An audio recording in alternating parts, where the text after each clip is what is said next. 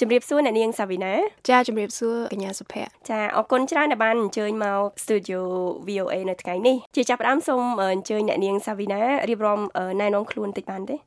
ខ្ញុំឈ្មោះសាវីណាហើយខ្ញុំធ្វើការនៅមជ្ឈមណ្ឌលឯកសារកម្ពុជាក្នុងគម្រោងមួយហៅថាសារមន្ទីរនៃការចងចាំហើយសប្តាហ៍ថ្ងៃខ្ញុំជានិស្សិតបណ្ឌិត ផ្នែកខាងភូមិសាស្ត្រនៅសាលា Kent State ចាហើយជុំវិញសារមន្ទីរនៃការចងចាំនឹងដែរខ្ញុំចង់សួរថាតើមូលហេតុអីដែរបានជាមានគំនិតព្រួយផ្ដើមបង្កើតជាសារមន្ទីរនឹងឡើងចាសារមន្ទីរនៃការចងចាំគឺជាស្ថាប័នមួយនៅក្រោមស្ថាប័នធំរបស់មជ្ឈមណ្ឌលស្លឹករឹតដែលជាមជ្ឈមណ្ឌលអចិន្ត្រៃយ៍នៃមជ្ឈមណ្ឌលឯកសារកម្ពុជានៅភ្នំពេញហើយសារមន្ទីរនៃការចងចាំនេះបង្កើតឡើងដើម្បីជួយបម្រើទៅដល់ជនរងគ្រោះហើយនិងអ្នករួចរីមានជីវិតពីរបបខ្មែរក្រហម ឲ្យគាត់បានទទួលការផ្សះផ្សាហើយនិងទទួលបាននូវការព្យាបាលនៃការរបួសផ្លូវចិត្តហើយគោលដៅមួយទៀតហ្នឹងគឺចង់អប់រំនិងបង្រៀនទៅដល់ក្មេងចំនួនក្រោយឲ្យគាត់បានយល់ដឹងអំពីប្រវត្តិសាស្ត្រនៃរបបកម្ពុជាប្រជាធិបតេយ្យឬក៏របបខ្មែរក្រហមជុំវិញការផ្សះផ្សាក៏ដូចជាការព្យាបាលផ្លូវចិត្តខ្ញុំចង់សួរអ្នកនាងបន្តទៀតដែរថា តើទូនាទីសារមន្ទីរព្យាបាលនិងផ្សះផ្សាផ្លូវចិត្តទៅដល់ប្រជាជនយើងដោយរបៀបណាដែរចាអឺនៅក្នុងសារមន្ទីរនៃការចងចាំនេះយើងមានគម្រោងនៅក្នុងការបង្កើតជាពិព័រណ៍អចិន្ត្រៃយ៍មួយ ដែលក្នុងនោះមានការរៀបចំជារូបភាពហើយនិងសាច់រឿងដែលបញ្ចូលនៅសាច់រឿងរបស់ជនរងគ្រោះហើយនិងអ្នកដែលរួចមានជីវិតពីរបបខ្មែរក្រហមសាច់រឿងទាំងអស់នោះយើងបានពីការ ទៅសួរនាំគាត់នៅក្នុងស្រុកភូមិរបស់គាត់ហើយខ្ញុំគិតថាការបញ្ចូលសាច់រឿងគាត់ហើយនឹងផ្សព្វផ្សាយសាច់រឿងគាត់ ទៅដល់អ្នកចំនួនក្រោយព្រមទាំងទៅដល់ភ្ញៀវទេសចរផ្សេងផ្សេងហ្នឹងអាចជួយក្នុងការផ្ដល់កិត្តិយសឬក៏ផ្ដល់ជាការទទួលស្គាល់ទៅដល់ការឈឺចាប់របស់គាត់ដែលគាត់ធ្លាប់បានឆ្លងកាត់នៅក្នុងរបបខ្មែរក្រហមហើយចំណុចនេះគឺជាចំណុចសំខាន់មួយដែលជួយឲ្យគាត់ត្រូវបានគេទទួលស្គាល់នៅបទពិសោធន៍របស់គាត់ហើយមួយទៀតខ្ញុំគិតថានៅពេលដែលសារមន្ទីរយើងមានការបញ្ចូលនៅសិល្បៈព្រមទាំងវប្បធម៌របស់ខ្មែរយើងបញ្ចូលទៅក្នុងកម្មវិធីផ្សេងផ្សេងដែលតាក់ទងទៅនឹងពិព័រណ៍ក៏ដូចជាកម្មវិធីអប់រំផ្សេងផ្សេងពួកខ្ញុំគិតថាសិល្បៈហើយនិងវប្បធម៌របស់ខ្មែរយើង គឺជាមធ្យោបាយមួយជួយឲ្យ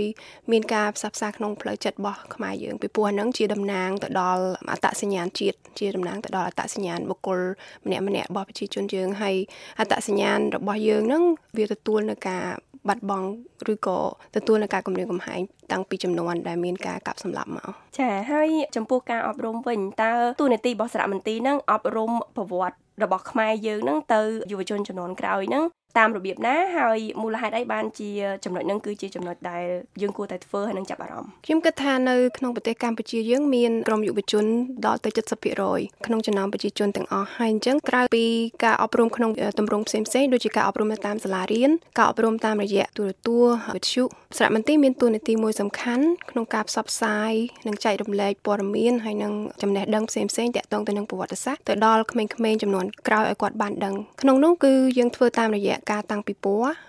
បង្កើតជាកម្មវិធីអប់រំផ្សព្វផ្សាយដោយប្រើប្រាស់ពិព័រណ៍ហើយនឹងរូបភាពដែលយើងមាននៅក្នុងសារមន្ទីរហ្នឹងដើម្បីឲ្យក្មេងគាត់បានដឹងហើយគាត់បានរៀនតាមរយៈរូបភាពហើយនឹងសាច់រឿងផ្សេងផ្សេងសំណួរមួយទៀតពាក់ព័ន្ធជាមួយនឹងសារមន្ទីរហ្នឹងដែរខ្ញុំចង់សួរថាតើសារមន្ទីរហ្នឹងចាប់ផ្ដើមបើកតាំងពីពេលណាដែរសារមន្ទីរនៅក្នុងដំណាក់កាលបច្ចុប្បន្នយើងកំពុងតែរៀបចំជាសំណង់ហើយនឹងរៀបចំជា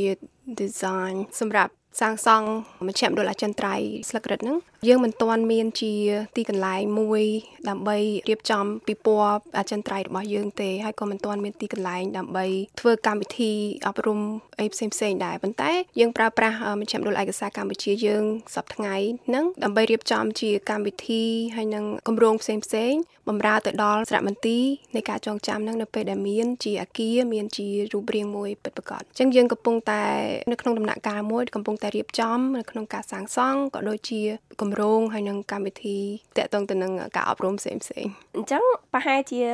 យៈពេលប្រហែលឆ្នាំទៀតដែលសារមន្ទីរនឹងអាចរួចជាផ្លូវការសម្រាប់ធ្វើកម្មវិធីទាំងអស់នឹងបានយើងអត់ទាន់អាចប៉ាន់ស្មានបានប្រហែលឆ្នាំទេយើងកំពុងតែមានក្រុមមួយដើម្បីធ្វើការរៃអង្គាសថវិកាដើម្បីរៀបចំការសាងសង់ចា៎ ហើយអញ្ចឹងបើសិនជាយើងកលេចចូលទៅអនាគតបន្តិចទៅថាតើអ្នកនាងគិតថាសារមន្ទីរហ្នឹងនឹងអាចជួយទៅដល់ប្រទេសយើងពាក់ព័ន្ធជាមួយនឹងវិស័យទេសចរឬក៏យ៉ាងម៉េចចាខ្ញុំគិតថា